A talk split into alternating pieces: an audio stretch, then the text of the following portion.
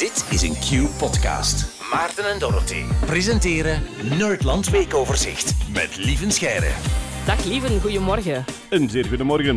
We zitten met de vroegste zonsondergang van het jaar om 16 uur eh 37. Oké. Eh, het heeft zo niks te maken met langste en kortste nachten, al, maar het is wel de vroegste eh, zonsondergang dus vanavond van het eh, hele jaar. Ah ja, de vroegste zonsondergang, maar het is niet de kortste dag. Nee, dat, Eh, dat nog niet. Nee. Oh ja, de, de, de kortste dag, dat is ehm, eh, 21 december of 22 december. Ik denk dat dit jaar 22 december is, dat kan een beetje schuiven.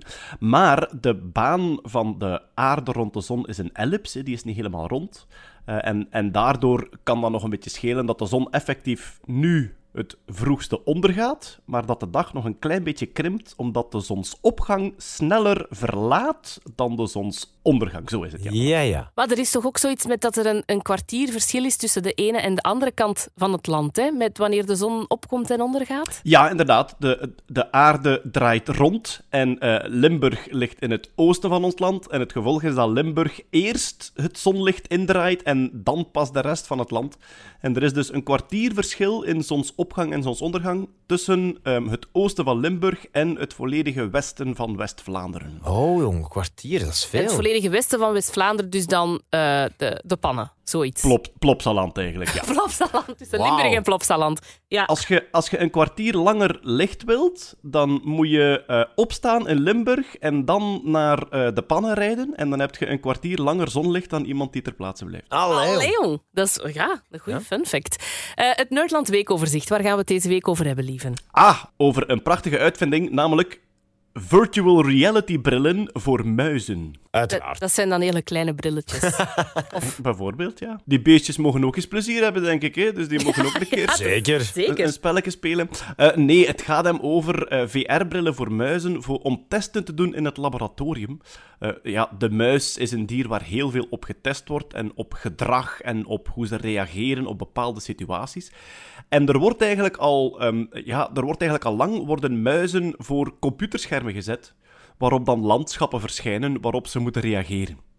Ehm, en ja, dat is, dat is een heel bizarre setup. Die muis heeft dan een soort harnasje aan, zodat hij niet weg kan. En onder de muis zit een grote draaibare bal. En als die muis dus vooruit loopt, dan draait die bal achteruit en die computer registreert dat en daardoor verschuift dat beeld. Dus dat, dat bestond al, maar dat was gewoon gezet drie computerschermen rond de muis en gezorgd dat dat zo wat meebeweegt. Ehm, die bal, trouwens, hè, dus door, door die bal te verdraaien, kunnen zij zichzelf bewegen op het computerscherm. Dus je zou kunnen zeggen dat die bal de computermuis is van de muis. Ja, dat is Ja, waar. dat vind ik heel mooi. Ja, ja, dat klopt. Ja. Voilà, dus de, de, de muismuis. Ehm, maar natuurlijk, je ziet dan alles nog, nog in 2D. Hè. Je, je zit dan echt op een scherm te kijken. En nu hebben wetenschappers van de Northwestern University eindelijk een VR-bril gemaakt voor de muis. Nu, die setup blijft een beetje hetzelfde. Dus de muis hangt in een harnasje met zo die bal onder zich, hè, waarmee die dus kan, kan bewegen. En dan, ehm, de bril is te groot voor de muis, want die muizen zijn klein en ze kunnen die brilletjes niet klein genoeg maken dat die muis daar echt mee kan rondlopen. Ah ja. Ja, dus het is een bril die veel, veel kleiner is dan onze VR-bril voor de mens. Maar de bril is nog te groot voor de muis, dus die wordt daar eigenlijk...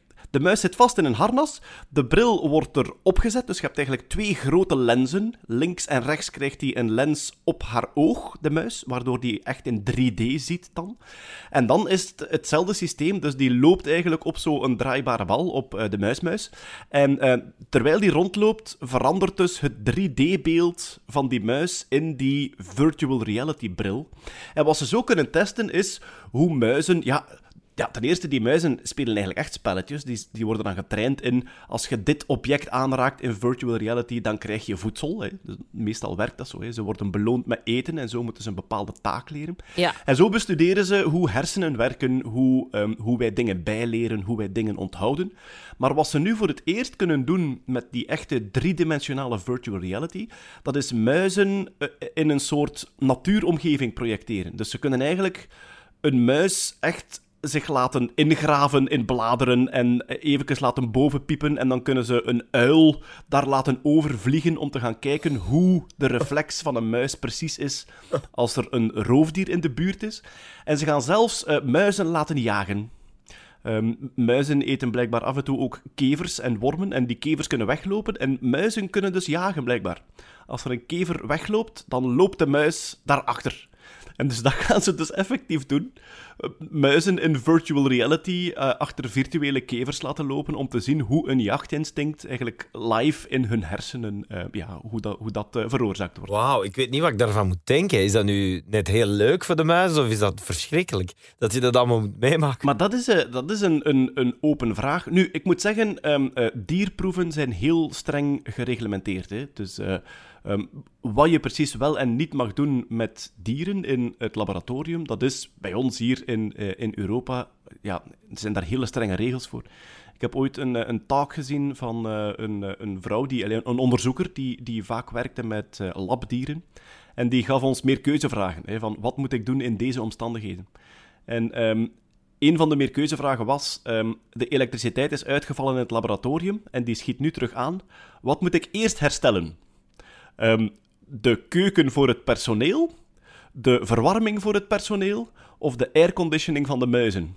En het antwoord is dus C. Je moet, Oké. eh, ja, je bent wettelijk verplicht om eerst de omstandigheden van de proefdieren te herstellen en dan pas aan het Oh. personeel te denken. En zo heb je een hele hoop regels. Ja. Interessant, ja. Maar wel cool, zo kunnen ze natuurlijk van alles testen zonder zelf het bos in te moeten gaan, natuurlijk. hè. dat is handig voor de wetenschappers. Ja. Ja, klopt. Inderdaad. Testen onder laboratoriumomstandigheden. Je kan van alles te weten komen zonder dat je zelf het in het directe zonlicht moet gaan staan. Ja. Lieve, heel graag tot volgende week. Salut, hè. Yup, tot ziens. Dit was een podcast van Q-Music. Wil je meer? Wil je meer? Kijk op qmusic.be.